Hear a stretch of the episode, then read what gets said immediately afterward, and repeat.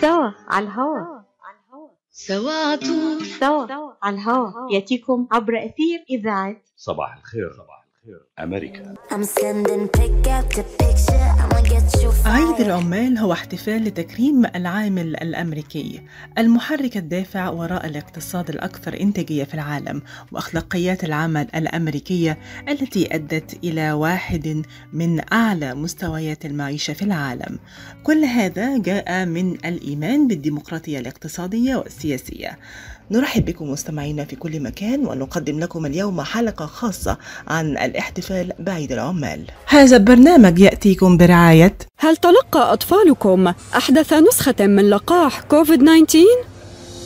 لقد تم لغاية اليوم تطعيم أكثر من 5.5 مليار شخص بلقاح كوفيد 19 وأثبتت النتائج أن اللقاحات كانت فعالة حيث قام الخبراء حول العالم بإجراء الاختبارات اللازمة ليكون اللقاح آمناً وفعالاً. اللقاح لا يحميكم أنتم وعائلتكم فقط بل يحمي المجتمع كله. قوموا بواجبكم من خلال التحدث إلى مقدمي الخدمات الصحية أو زيارة michigan.gov/kids covid vaccine. رسالة من وزارة الصحة والخدمات الإنسانية في ميشيغان قشات Mediterranean Market بإدارة سهر قشات وأولاده يرحبون بالجالية العربية والكلدانية. جميع أنواع المواد الغذائية ألبان طازجة الكرزات والبهارات الطازجة. داخل الأسواق مطعم Mediterranean شيش كباب يقدم يوميا جميع أنواع الكباب. المقبلات العربية العراقية وصواني ال combo المميزة تفتح الأسواق آه، من الثامنة إلى التاسعة مساء من الاثنين وحتى السبت ومن الثامنة صباحا إلى التاسعة مساء يوم الأحد. تقع الأسواق آه، على 3 2839 Northwestern Highway في مدينة فارمينغتون هيلز لحوم حلال للجالية الإسلامية لطلباتكم من المطعم call 248-538-7855 that is 248-538-7855 قشة Mediterranean Market خدمة متميزة ومعاملة راقية. يحتفل العالم بعيد العمال في الأول من مايو فهو عطلة رسمية في نحو 107 دولة حول العالم. ما يمثل 67% على الأقل من سكان العالم. ولكن هناك دول قليلة تخرج عن هذا التقليد فعلى سبيل المثال تحتفل الولايات المتحدة الأمريكية بعيد عمالها اليوم وهو الاثنين الأول من شهر سبتمبر. الثابت تاريخيا أن أستراليا كانت أول دولة في العالم تبتدع الاحتفال بعيد العمال وكان ذلك في منتصف القرن التاسع عشر حيث بدأت فكرة يوم العمل في أستراليا يوم 21 إبريل عام 1856 وبعدها بثلاثين عام انتقلت فكرة الاحتفال إلى الولايات المتحدة. ويوضح لنا المؤرخون أن الاحتفال بعيد العمال ظهر أيضا في كندا بعد أستراليا وقبل انتقاله إلى الولايات المتحدة حيث النزاعات العمالية وحركة التسع ساعات في هاملتون ثم انتقلت إلى تورونتو بكندا وكان ذلك عام 1870 مما أدى إلى ظهور قانون الاتحاد التجاري الذي أضفى عليها الصفة القانونية وقام بحماية نشاط الاتحاد في عام 1872 وتمت المسيرات كدعم لحركة التسع ساعات. كما أن إضراب عامل الطباعة أدى إلى الاحتفال السنوي في كندا. انتقل الاحتفال إلى الولايات المتحدة مع زعيم العمال الأمريكي بيتر ماغواير الشريك المؤسس للاتحاد الأمريكي للعمل والذي اقترح تخصيص يوم لتكريم العمال. وجاءته هذه الفكرة بعد أن شهد في عام 1882 إحدى الاحتفالات بعيد العمال في تورونتو الكندية. واستلهاما من أحداث الاحتفالات في تورونتو طرح فكرته حول عيد العمال عندما عاد إلى نيويورك وذلك لتحسين ظروف الطبقة العاملة وتحريرها. وعلى الرغم من عدم الاستقرار على رواية أكيدة تعني هذه المعلومات أن الاحتفال بعيد العمال في أمريكا جاء بجهود وأفكار أصيلة تقدم بها الأمريكيون أنفسهم. عيد العمال على عكس كل بلدان العالم التي تحتفل بعيد العمال في الأول من مايو. يحتفل الأمريكيون بعيد العمال في أول يوم اثنين من شهر سبتمبر.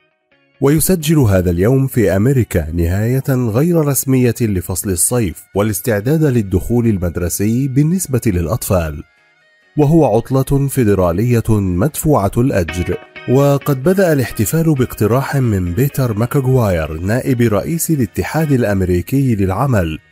قدمه في الثامن من مايو عام 1882 إلى الاتحاد العمالي المركزي الناشئ في مدينة نيويورك بتخصيص يوم عطلة عامة للطبقات العاملة.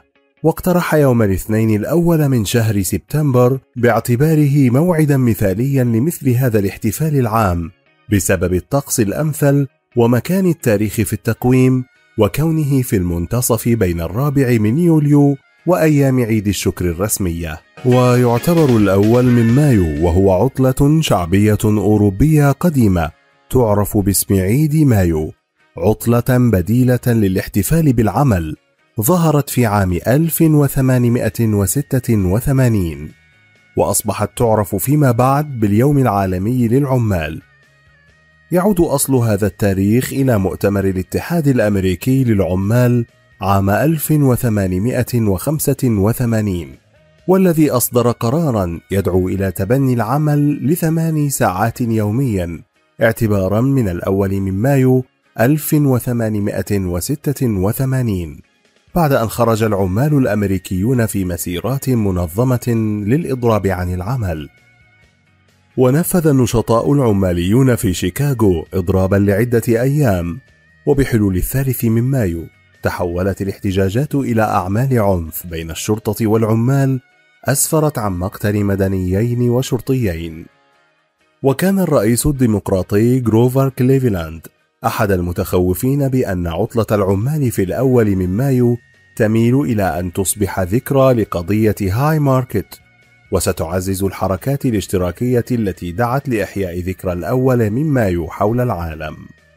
وفي عام 1887 دعم علنا عطلة عيد العمال في سبتمبر كبديل لذلك وتم اعتماد التاريخ رسميا باعتباره عطلة في الولايات المتحدة في عام 1894 وأصبح المعيار القانوني لساعات العمل هو ثماني ساعات بعد إقرار تعديلات على قانون العمل في عام 1940 شملت أيضا حظر عمالة الأطفال وتحديد الأجور. كانت نيويورك أول ولاية تقدم مشروع قانون لكن ولاية أوريغون كانت أول من أصدر قانونا يعترف بيوم العمال في 21 فبراير 1887 خلال عام 1887 أصدرت كولورادو وماساتشوستس ونيو جيرسي ونيويورك أيضا قوانين لإنشاء عيد العمال عطلة وبحلول نهاية ثمانينيات القرن التاسع عشر. حذت كونيتيكت ونبراسكا وبنسلفانيا حذوها.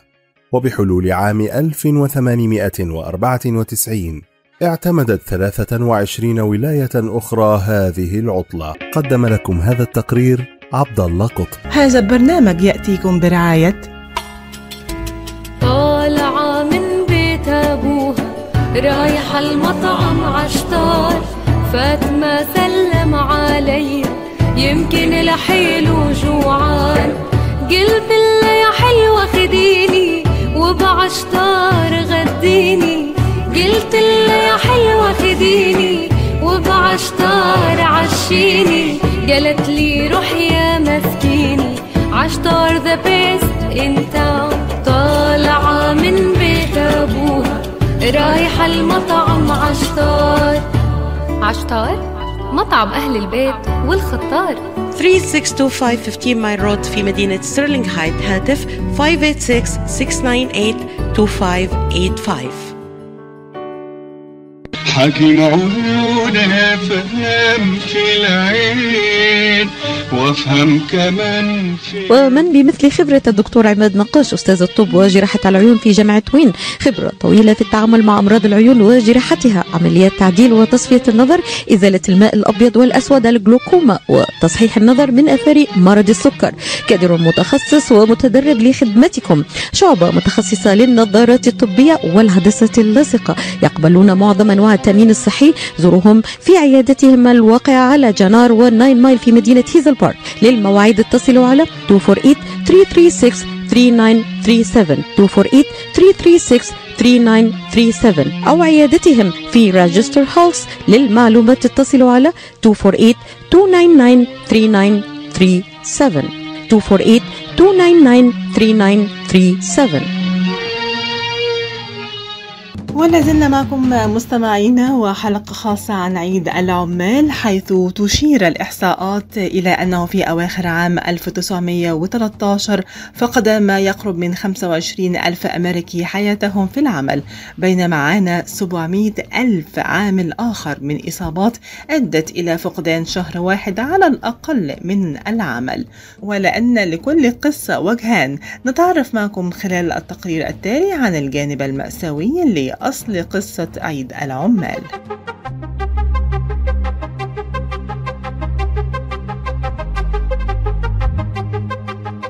يخلد عيد العمال ذكرى كفاح دام للمطالبة بالحقوق. فقد شهدت الولايات المتحدة ثورة صناعية في منتصف القرن التاسع عشر وكان المهاجرون الأوروبيون يمثلون الشريحة الأكبر من العمال الذين كانوا يعملون في ظروف عمل مريعة ويحصلون على أجور متدنية.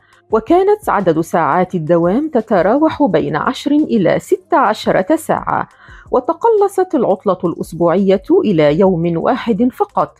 وكان عمل الأطفال شائعا دون الحرص على أمنهم ولا على صحتهم.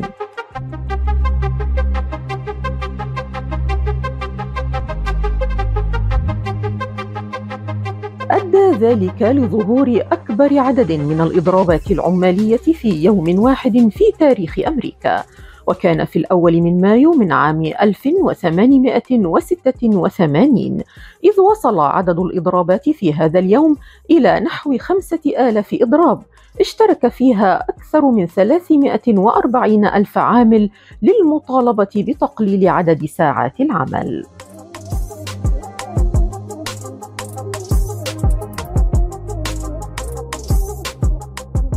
وظهرت حركة الثمان ساعات في شيكاغو حيث قادها اشتراكيون وشيوعيون ينادون بالقضاء على الرأسمالية وكان معظمهم ينحدرون من أصول ألمانية وقاموا بتنظيم مظاهرة في ميدان هاي ماركت رفع فيها المتظاهرون شعار ثمان ساعات للعمل ثمان ساعات للراحة ثمان ساعات للنوم.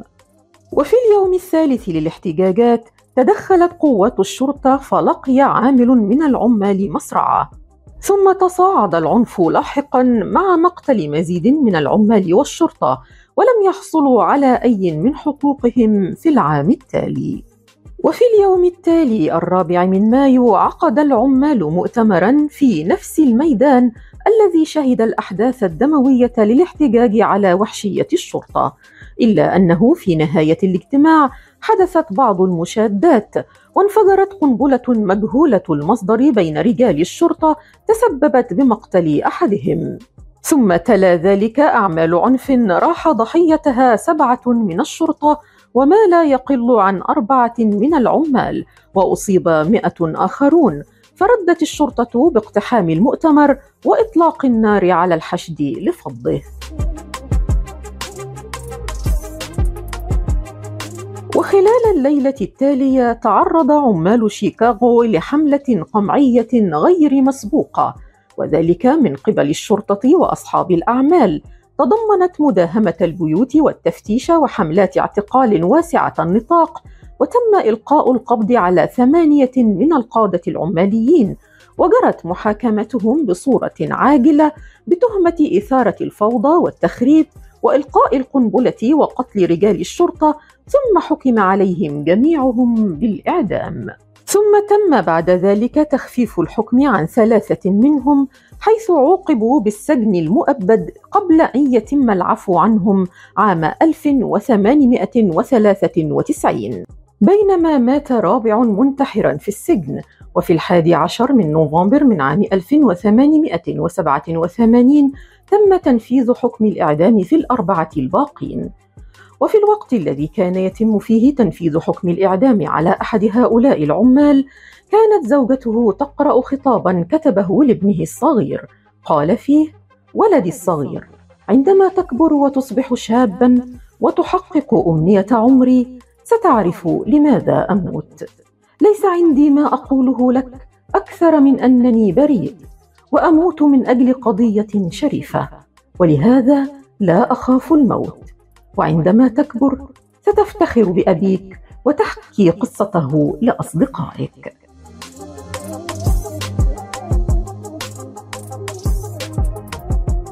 قدمت لكم هذا التقرير عبير حسين. هذا البرنامج يأتيكم برعاية. حاولنا كتير. خلينا نحاول كمان مرة الكلفة كبيرة والاحتمال ضعيف. يعني ما في أمل؟ للأسف حبيبتي. هنالك أمل. لدى مركز إخصاب IVF ميشيغان الذي صنف من بين أفضل خمسين عيادة إخصاب في أمريكا وفق مجلة نيوزويك لعام 2023 ويعتبر الدكتور نيكولاس شما مؤسس مراكز IVF ميشيغان وأوهايو من أهم اخصائيي العقم في أمريكا حيث أجرى أكثر من عشرين ألف عملية طفل أنبوب ناجحة. حققت حلم الأبوة لكثير من الآباء والأمهات وهو حاصل على البورد الأمريكي في أمراض النساء والتوليد والعقم والغدة الصماء التناسلية. الآن ولفترة محدودة خصم ألف دولار للحالات المؤهلة لإجراء عمليات في عيادات IVF ميشيغان لمزيد من المعلومات يرجى الاتصال على 2489 IVF أمل يولد من جديد. شو هي الحياة؟ إني كون دفيانة ومو خايفة. إني أعيش بقية حياتي بكرامة. آكل أكل زين واشرب مي نظيف. إني أعيش سعيدة ولو كنت يتيمة. إني أحس بالدفى والأمان ويكون لي مكان أعيش فيه بعد ما أتهدم بيتي. منذ ثلاثين عاما ومنظمة الحياة للإغاثة والتنمية والتي تم اختيارها من بين أفضل تسع منظمات خيرية حول العالم لعام 2022 تساعد المحتاجين ليعيشوا حياة أفضل دون النظر إلى عرق أو لون أو جنس. ساهموا معنا في مد جسور الأمل لمن يحتاج من خلال التبرع مباشرة عبر الموقع www.lifeusa.org أو على الرقم 1 800 827 35 43 أو السوشيال ميديا Life for Relief and Development حيثما توجد الحياة يوجد الأمل. This is WNZK, Dearborn Heights, Detroit. Your ethnic superstation at 690 days, 680 nights. يكلل عيد العمال في أمريكا النهاية غير الرسمية لفصل الصيف وتستأنف العديد من الولايات الدراسة في عطلة نهاية أسبوع عيد العمال وهو أيضا الوقت المثالي للتسوق من خلال التخفيضات الكبرى على العناصر الأكثر شعبية في هذا الموسم مثل أثاث الحدائق والملابس الصيفية والأجهزة. لذا فإن عيد العمال هو الفرصة الأخيرة للحصول على هذه المنتجات بسعر أقل.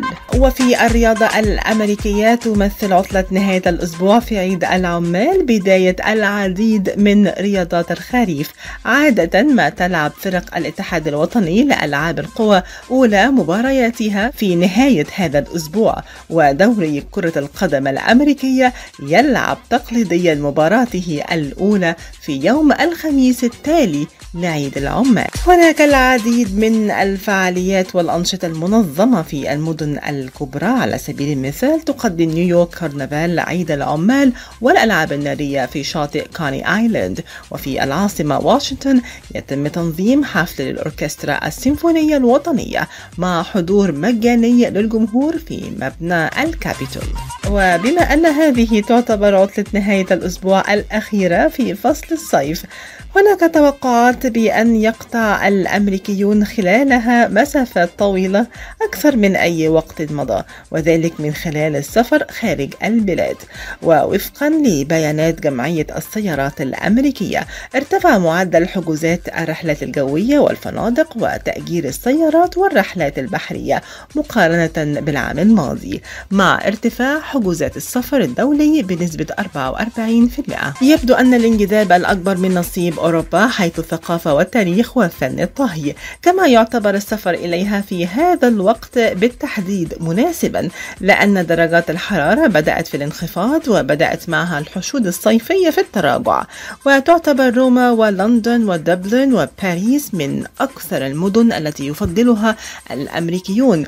وتختتم فانكوفر القائمة حيث تحظى كندا عادة بشعبية كبيرة في هذا الوقت من العام. ارتفعت الوجهات الفندقية الدولية بنسبة هائلة بلغت 82% مقارنة بالعام الماضي في حين ارتفعت حجوزات الرحلات البحرية الدولية أيضا بنسبة 44% خاصة حول الطرق النهرية الكاريبية والأوروبية مما يدل على أن الأمريكيين على استعداد لاستخدام جوازات سفرهم أكثر من أي وقت مضى. كما ارتفعت حجوزات السفر الداخلية أيضا وإن كانت بنسبة 4% فقط مقارنة بالعام الماضي وتعتبر لاس فيغاس وأورلاندو ونيويورك من بين أفضل المدن حيث ينجذب المسافرون إلى خيارات الترفيه في المدن الثلاث. وأفضل الاختيارات الأخرى هي سياتل ومدينة أنكوريج بألاسكا والتي تحظى بشعبية خاصة الآن بسبب انتهاء موسم الرحلات البحرية في الولاية. هذا البرنامج يأتيكم برعاية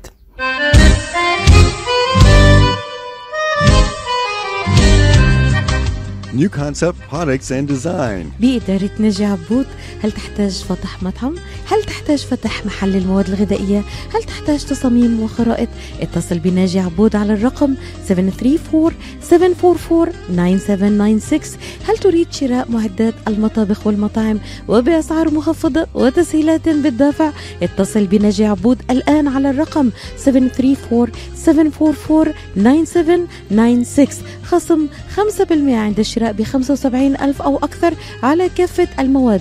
لمزيد من المعلومات زوروا موقعهم الإلكتروني على www.newconceptproducts.com أو زوروهم في موقعهم الجديد. 31185 Schoolcraft in Livonia. ناجي عبود العلامة المميزة في عالم المطابخ. هل تعاني من آلام في المفاصل أو العظام؟ هل جربت الأدوية دون فائدة؟ هل تفكر في إجراء عملية؟ انتظر الحل لدى مركز Top Rehab للعلاج الطبيعي جهاز SoftWave علاج جديد غير جراحي يستخدم الموجات فوق صوتية لتحفيز الجسم على بدء عملية الشفاء وتوليد أنسجة جديدة في مجالات جراحة العظام الكسور العناية بالجروح وعلم الجمال دون جراحة أو تخدير وقت علاج قصير نتائج سريعة طويلة الأمد تستخدمه العديد من المراكز البحثية الطبية والرياضية الرائدة في أمريكا. الآن حصريا في ميشيغان لدى مركز Top Rehab للعلاج الطبيعي. احجز جلسة تقييم شامل لحالتك بواسطة جهاز SoftWave وبرسوم رمزية. اتصلوا الآن على 313-846-0555 Top Rehab Physical Therapy بإدارة أخصائي العلاج الطبيعي الدكتور محمد فرح حسين بخبرة أكثر من 20 عاما. اتصلوا الآن واحجزوا 313-846-0555 This is WNZK, Dearborn Heights, Detroit. Your ethnic superstation at 690 days, 689. ولا زلتم معنا مستمعينا وحلقة خاصة عن عيد العمال وهناك قاعدة تقول لا ترتدي اللون الأبيض في هذا اليوم. تعود أصولها إلى عام 1920 حيث كان ارتداء اللون الأبيض يميز الأثرياء الذين لم تكن ملابسهم تتسخ لأنهم لا يعملون. ويعتقد بعض المؤرخين أن هذه القاعدة كانت في الواقع وسيلة للأثرياء يستخدمها لفصل أنفسهم عن الطبقة العاملة التي لم يكن بمقدورها تحمل تكاليف الأجازات والملابس باهظة الثمن التي تناسبها. ومن ناحية أخرى غالبا ما كان عمال الطبقة الوسطى يرتدون ألوانا داكنة حتى في الصيف لإخفاء الأوساخ التي تراكمت بعد يوم عمل شاق. وبحلول الخمسينيات من القرن الماضي كان عدم ارتداء اللون الأبيض بعد عيد العمال قاعدة ثابتة بين الأثرياء التزاما منهم بقواعد الأدب. هذا البرنامج يأتيكم برعاية. أهلا وسهلا شرفتونا. تفضلوا على الأكل. ما في أحلى من جمعة الحبايب على السفرة بال weekend wow شو طيب ورق العنب مثل اللي بتعمله ستي. صحتين حبيبتي. والكبة كيف شفتيها؟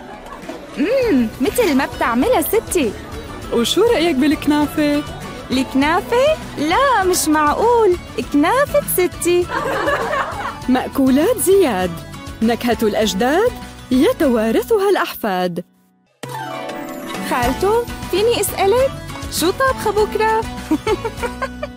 تحس إنه إيديك عم تنمل أو كتفك عم يجمد أو أصابعك عم تورم وما عم تقدر تشتغل فيهم مثل ما بتريد؟ مرحبا أنا الدكتور عبد المجيد قطرنجي. زورونا بموقعنا الإلكتروني www.kachanjihandcenter.com لتتعرفوا على كيفية العلاجات لإصابات اليد والكتف والكوع. وإن شاء الله تقدروا تشاركونا بافتتاح مركزنا الجديد في تروي ميشيغان. ونتمنى لكم العفو والعافية. للمواعيد زورونا في عيادتنا الواقعة على 1565 في مدينة تروي البناء F أو اتصلوا بنا على الرقم 248-869-4263 That's 248-869-4263 كتاب قواعد العمل للكاتب الإنجليزي والخبير في مجال التنمية الذاتية ريتشارد تيمبلر. يعتبر من أهم الكتب التي ناقشت كيف يمكن أن نحقق أهدافنا المهنية وبأقل مجهود. الكاتب له في هذا المجال خبرة أكثر من 30 عاما حقق من خلالها أعلى نسبة مبيعات. ترجمت معظم مؤلفاته إلى لغات متعددة. كتب العديد من الكتب. منها قواعد العمل أو The Rules of Wealth وقواعد الإدارة وكيف تؤدي مهامك دون عناء وكتاب لا أريد المزيد من الجبن أريد فقط الخروج من المصيدة وغيرها. يقدم الكتاب مجموعة من النصائح والوصفات السحرية التي نستطيع من خلالها أن نعيش حياة مليئة بالسعادة والنجاح والإنجازات المثمرة. وهذا ما جعل الكتاب يحظى بشعبية كبيرة في العالم وبنسبة مبيعات هائلة. وفيما يلي مستمعينا سنسلط الضوء على أهم القواعد والإرشادات التي وردت في هذا الكتاب القيم.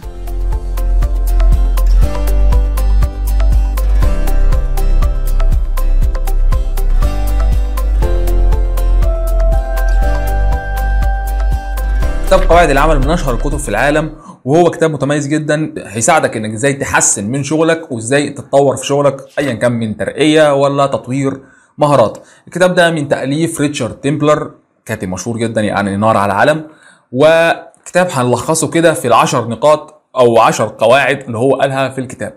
القاعدة الأولى ليتفق سلوكك مع كلامك. النقطة دي الكاتب بيقول فيها إنك لازم لو انت داخل على اي شغل أو مسكت اي وظيفة لازم تبقى عارف شغلك بالظبط. والكلام اللي بتقوله تعمله بالظبط. لازم تبقى فعال في عملية الشغل بتاعك والشغل بتاعك يبقى متقن. لأن الإتقان هو الحاجة اللي هتميزك بينك وبين أي حد بيشتغل في أي مجال تاني. لو أنت شغالين في مجال البرمجة أو التصميم أو شغال حتى موظف أو شغال في أي مكان أكيد أنت عارف إن الموظف أو الشخص المتقن لعمله أو اللي بيعمل شغل متقن ما فيهوش غلطات كتيرة بيبقى مميز ومحبوب من العملاء بتوعه أو من المديرين بتوعه. فالكاتب بيقول لك في النقطة دي نوعا ما ما تقولش كلام أنت مش هتقدر تنفذه خليك متقن لعملك. ده أهم بكتير من إن أنت تقول والله أنا هشتغل هنا وأي شغلانة ممكن تكون مش في تخصصك العميل أو المدير بتاعك يديها لك تعملها وأنت ساكت وما تعملهاش باتقان الأفضل تقول له لأ وتعمل شغلك اللي انت بتعمله صح بإتقان كفاية. وده تلخيص النقطة ليتفق سلوكك مع كلامك. القاعدة الثانية اعلم إنك تحت الملاحظة. في أي لحظة انت اشتغلت لازم تعرف إن انت بتتعرض للأحكام. بيحكموا على طريقة كلامك بيحكموا على تسليمك لشغلك بيحكموا على مواعيدك. وممكن الموضوع يتطور والناس تحكم حتى على طريقة تفكيرك. فالأفضل إنك تخلي الحكم ده إيجابي طالما انت مش هتقدر تتفاداه. فتخلي الحكم ده إيجابي إزاي؟ نوعا ما طالما العلاقة علاقة عمل خليك رسمي على قدر الإمكان بس مش رسمي بجدية زيادة عن اللزوم. دايما خليك ودود ومبتسم. رسمي مع ود وابتسام. لو أنت شغلك بتروح تقابل ناس في مكاتبهم أو بتروح للعملاء بتقابلهم يعني خليك مهندم كده ولذيذ أو حتى لو بتعمل meeting online خليك ادخل ال meeting في الميعاد المحدد. والحاجة التانية استرخي وأنت بتتكلم وخليك هادي جدا وأنت بتشرح أفكارك. خليك منظم وحضر قبل كل مناقشة مع العميل أو مع المدير بتاعك. ما تخليش الموضوع يجي كده بتداعي الأفكار. التحضير دايما هيخليك نوعا ما تنتقي الكلمات والألفاظ المناسبة. بكل بساطة النقطة دي بتقول لك لو أنت مش هتقدر تتفادى موضوع الملاحظة ده يبقى خليها ملاحظة إيجابية. خلي الحكم عليك يبقى حكم إيجابي. القاعدة الثالثه هي لابد أن تضع خطتك. موضوع الخطة ده شيء مهم جدا. لازم على الأقل تبقى أنت عارف هتعمل إيه الشهر اللي جاي. هتتعلم إيه الشهر اللي جاي؟ إيه اللي المفروض تتطور فيه؟ ما تشتغلش على طول كده وخلاص. تهمل موضوع التطوير. لازم تبقى عامل خطة للتطوير وخطة للشغل عامة. ده لسببين. السبب الأول فيهم هو استيعاب الفرص الجديدة. طول ما أنت عامل خطة فأنت هتسيب في الخطة بتاعتك دي إن والله لو جت فرصة بتاعت شغل جديدة أنا أتصرف فيها إزاي؟ أو لو جالي شغل زيادة لود بتاع شغل زيادة هتعامل معاه إزاي؟ أو حمل بتاع شغل زيادة. فالخطة هتساعدك كتير. لازم تبقى على الأقل الكاتب بيقول تبقى عامل خطة لمدة شهر. أنا عن نفسي بقسم السنة أربع أرباع يعني بعمل خطة لكل ثلاث شهور. خطة مش مفصلة بل أهداف جنرال والله أنا عايز أعمل كذا وكذا وكذا وكذا. دي الاهداف الجنرال التفصيل بيبقى على scale أصغر شوية شهر وبعد كده أسبوع وبعد كده كل يوم بيومه بقى. بس ده كله بيخدم الخطة أو الأهداف بتاعه الثلاث شهور. فالكاتب بيقول لك على الأقل اعمل خطة لشهر واحد لازم تبقى معاك وجاهز عشان الشهر ما يعديش بسرعة وتلاقي انت ما انجزتش حاجة. السبب الثاني هي الخطة هتخليك شخص مرن. شخص مرن في التعامل مع التقلبات بتاعة الشغل ذات نفسه. سيبك بقى من إن في load جه شغل جديد لأ في الخطة بتاعتك انت أكيد هتضع حاجة لو إنه ما جالكش شغل مثلا أو حصل أجازة أو حصل أي أمر غير لذيذ يعني تعرف تتعامل معاه. فالخطه نوعا ما هتديك مرونة شوية بحيث إنه والله لو حصل مثلا أنت سبت الشغل بتاعك وأنت عندك خطة أنا عارف ان أنا هروح فين على طول. نوعا ما الخطة هتحسسك بأمان شوية والله أنا عارف كل حاجة ماشية مظبوط أنا عارف هدرس إيه وهتطور في إيه. في حاجة حصلت أنا عارف أنا هروح لفين وهكذا. فالخطة مهمة. القاعده الرابعة هي خليك حكيم مع زملائك. الشغل في تيم معقد أصعب بكتير جدا يعني قصدي من الشغل لوحدك. الشغل في تيم بيبقى يعني أنت لازم لازم نوعا ما يبقى في تفاعل ما بيناتكم وفي حتة مهمة الكاتب أكد عليها بيقول أكتر حاجة هي هو شايف إن هي بتعمل مشاكل ما بين الزملاء. لما زميلك ياخد رأيك في حاجة أو لما أنت تبدأ تنتقد الشغل بتاع حد محدش بيحب حد ينتقد شغله. الفكرة بيقول لك لو أنت يعني أصريت إن أنت تنتقد شغل بتاع حد أو في حاجة أنت لازم تقولها عيب في الشغل بتاع حد الأفضل إنك تقول مميزات الشغل بتاعه الأول وتقول له بس لو الحتة دي اتظبطت شغلك هيبقى حلو. الحاجة دي أنا استعملتها فرقت معايا كتير. في ناس كتير جدا بيبقوا مثلا شغل أنا واخده من حد بس بيبقى فيه غلطات فبأثني على الشغل بتاعه في الأول والله أقول له شغلك ده ممتاز وفيه كذا وكذا وكذا وأعرفه. اصل الشغل الشخص اللي قدامك برضه بيبقى تعب في الشغل بتاعه عرفه إيه مزايا شغله هو هيتبسط جدا جدا. وبعد كده أقول له والله لو الحته دي ظبطت يعني المره الجايه أو ظبطتها دلوقتي هيبقى في شغل هيبقى الشغل perfect فالنصيحة دي مهمة جدا. لو أنت هتتعامل مع team حاول ادي مجاملات على قد ما تقدر. والحاجة الثانية ما تركزش على العيوب. ركز على المميزات بتاعت الفريق. ولو لازم تقول عيب قول الميزة الأول بعد كده قول العيب مش العكس. القاعدة الخامسة وهي اعتني بنفسك. لازم تحط قواعد لنفسك فيما يتعلق بالشغل. لأن انت لو تعبت أو جالك مرض أو انهكت مش هتعرف تشتغل فبالتالي أو لو قدرت تشتغل ده هيقلل من كفاءة الشغل بتاعك يعارض الهدف الأساسي إن انت عايز تشتغل يبقى تجيب فلوس كويسة يعني. فلازم تعتني بنفسك لازم تحط قواعد صارمة. لو أنا عيان مش هشتغل لو تعبان هشوف لو ده يعني تعب حقيقي مش هشتغل أما لو بتتكاسل فدي نقطة تانية. ولكن القاعدة الثابتة صحتك أهم. والقاعدة الثابتة هي التناغم. يعني إيه التناغم؟ دايما ما تمشيش مع التيار قوي ولا تقف ضده. دايما لو انت شغال في تيم أو في شركة أو شغلكم فيه شغل جماعي أو شغل أو شغلك فيه شغل جماعي أكتر دايما هتلاقي إن في تيار هو اللي سائد الناس كلها رايحة ناحية رأي واحد. دايما ما تمشيش مع التيار قوي وما تقفش ضد التيار قوي. خليك ذكي خليك متكيف. نوعا ما حاول قول وجهة نظرك بذكاء مش تعارض. يعني أنا مش واقف ضد التيار كله لأ أنا بحاول إن أنا أقول وجهة نظري وأحاول أقنعهم بيها. ولو لقيت يعني لو دي نصيحة من خبرتي يعني لو لقيت إن التيار كله رايح ناحية اتجاه معين اعمل قول والله زي ما أنت بتقول كده لواحد صاحبك أنا قلت لك. فاهم؟ عشان لو هم وطلع كلامهم غلط يبقوا عارفين إن أنت قلت الكلام الصح. الكلام ده برضو حتى لو أنت مش شغال في فريق يعني برضو لو أنت مع عميل معين والعميل أنت حاولت توجهه التوجيه الصح ولكن هو التيار بتاعه أو ماشي بيقول لك لا والله أنا شايف كده فكره وقول له. أنا ده الصح ده الاكيد ده اللي مش عارف إيه. لو هو مصر اثبت المعلومة بتاعتك وقول له يعني اعمل لها اثبات أو بحيث ان لما يقع في الغلط بعدين تبقى انت تقول له أنا قلت لك وانت اللي رفضت فدي نقطة مهمة. القاعدة السابعة وهي استبق خطواتك. يعني إيه؟ بكل بساطة لازم تبقى عارف انت إيه خطوتك اللي جاية في الحياة عموما وفي الكارير أو في المسار المهني بتاعك. إيه الخطوة اللي جاية؟ إيه المستوى اللي أنا المفروض أعلى؟ يعني مثلا دلوقتي لو أنت senior لو أنت دلوقتي junior إزاي هبقى senior في الشغل بتاعي؟ لو أنت مثلا دلوقتي مستواك متوسط إزاي هبقى محترف؟ لازم تبقى عارف إيه الخطوة اللي جاية. شوف اللي مستواهم أعلى منك بيعملوا إيه وحاول اعمل زيهم. في حكمة أو كلمة مشهورة تقول مراقبة الناجحين تجعلك ناجحا مثلهم.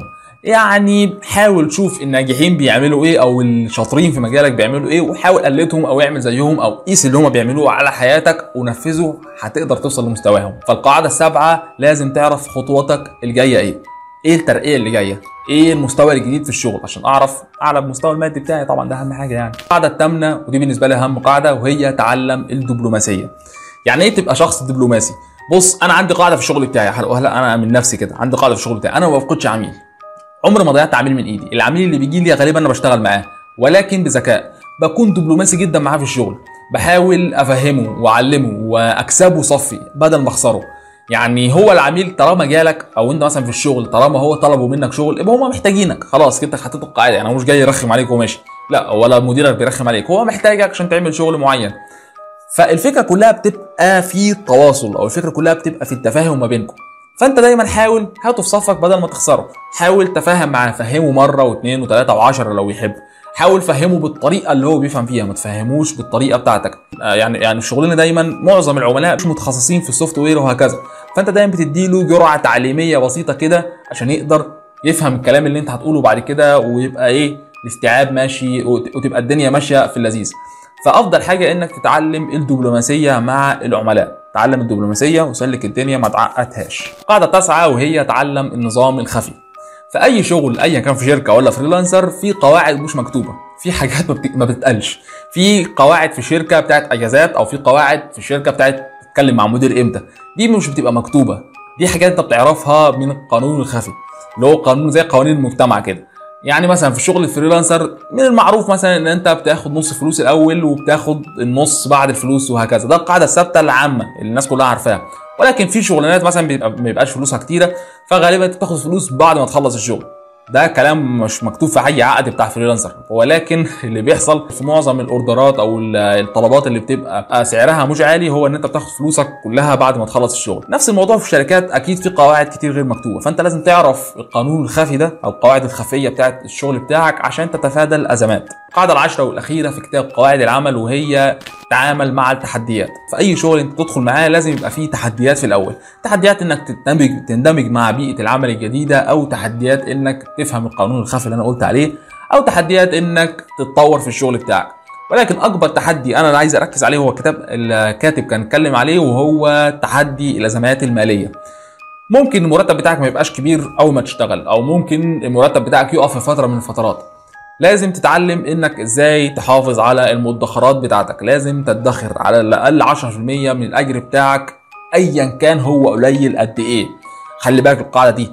أنا مؤمن إن أنت هتعيش بأي مرتب اللي أنت هيبقى معاك هتعيش بيه. حاول دايما تدخر 10% من الفلوس اللي بيجيلك عشان الأزمات المالية. ما تقعش على دور رقبتك تكسرها أو تخسر شغلك أو تخسر كل حاجة. لازم يبقى عندك وسادة مالية أول ما تحصل أزمة تقع عليها وتستند عليها عشان تعرف تقوم بسرعة وتتعافى بسرعة. وفي خاتمة الكتاب ريتشارد تيمبلر بيقول لك لكل حاجة قواعد ودي قواعد العمل. دور على القواعد التانية اللي في مسارات شكرا لكم مستمعينا في كل مكان. وصلنا لنهاية حلقتنا اليوم وإلى أن يتجدد اللقاء لكم تحياتي مروى مقبول.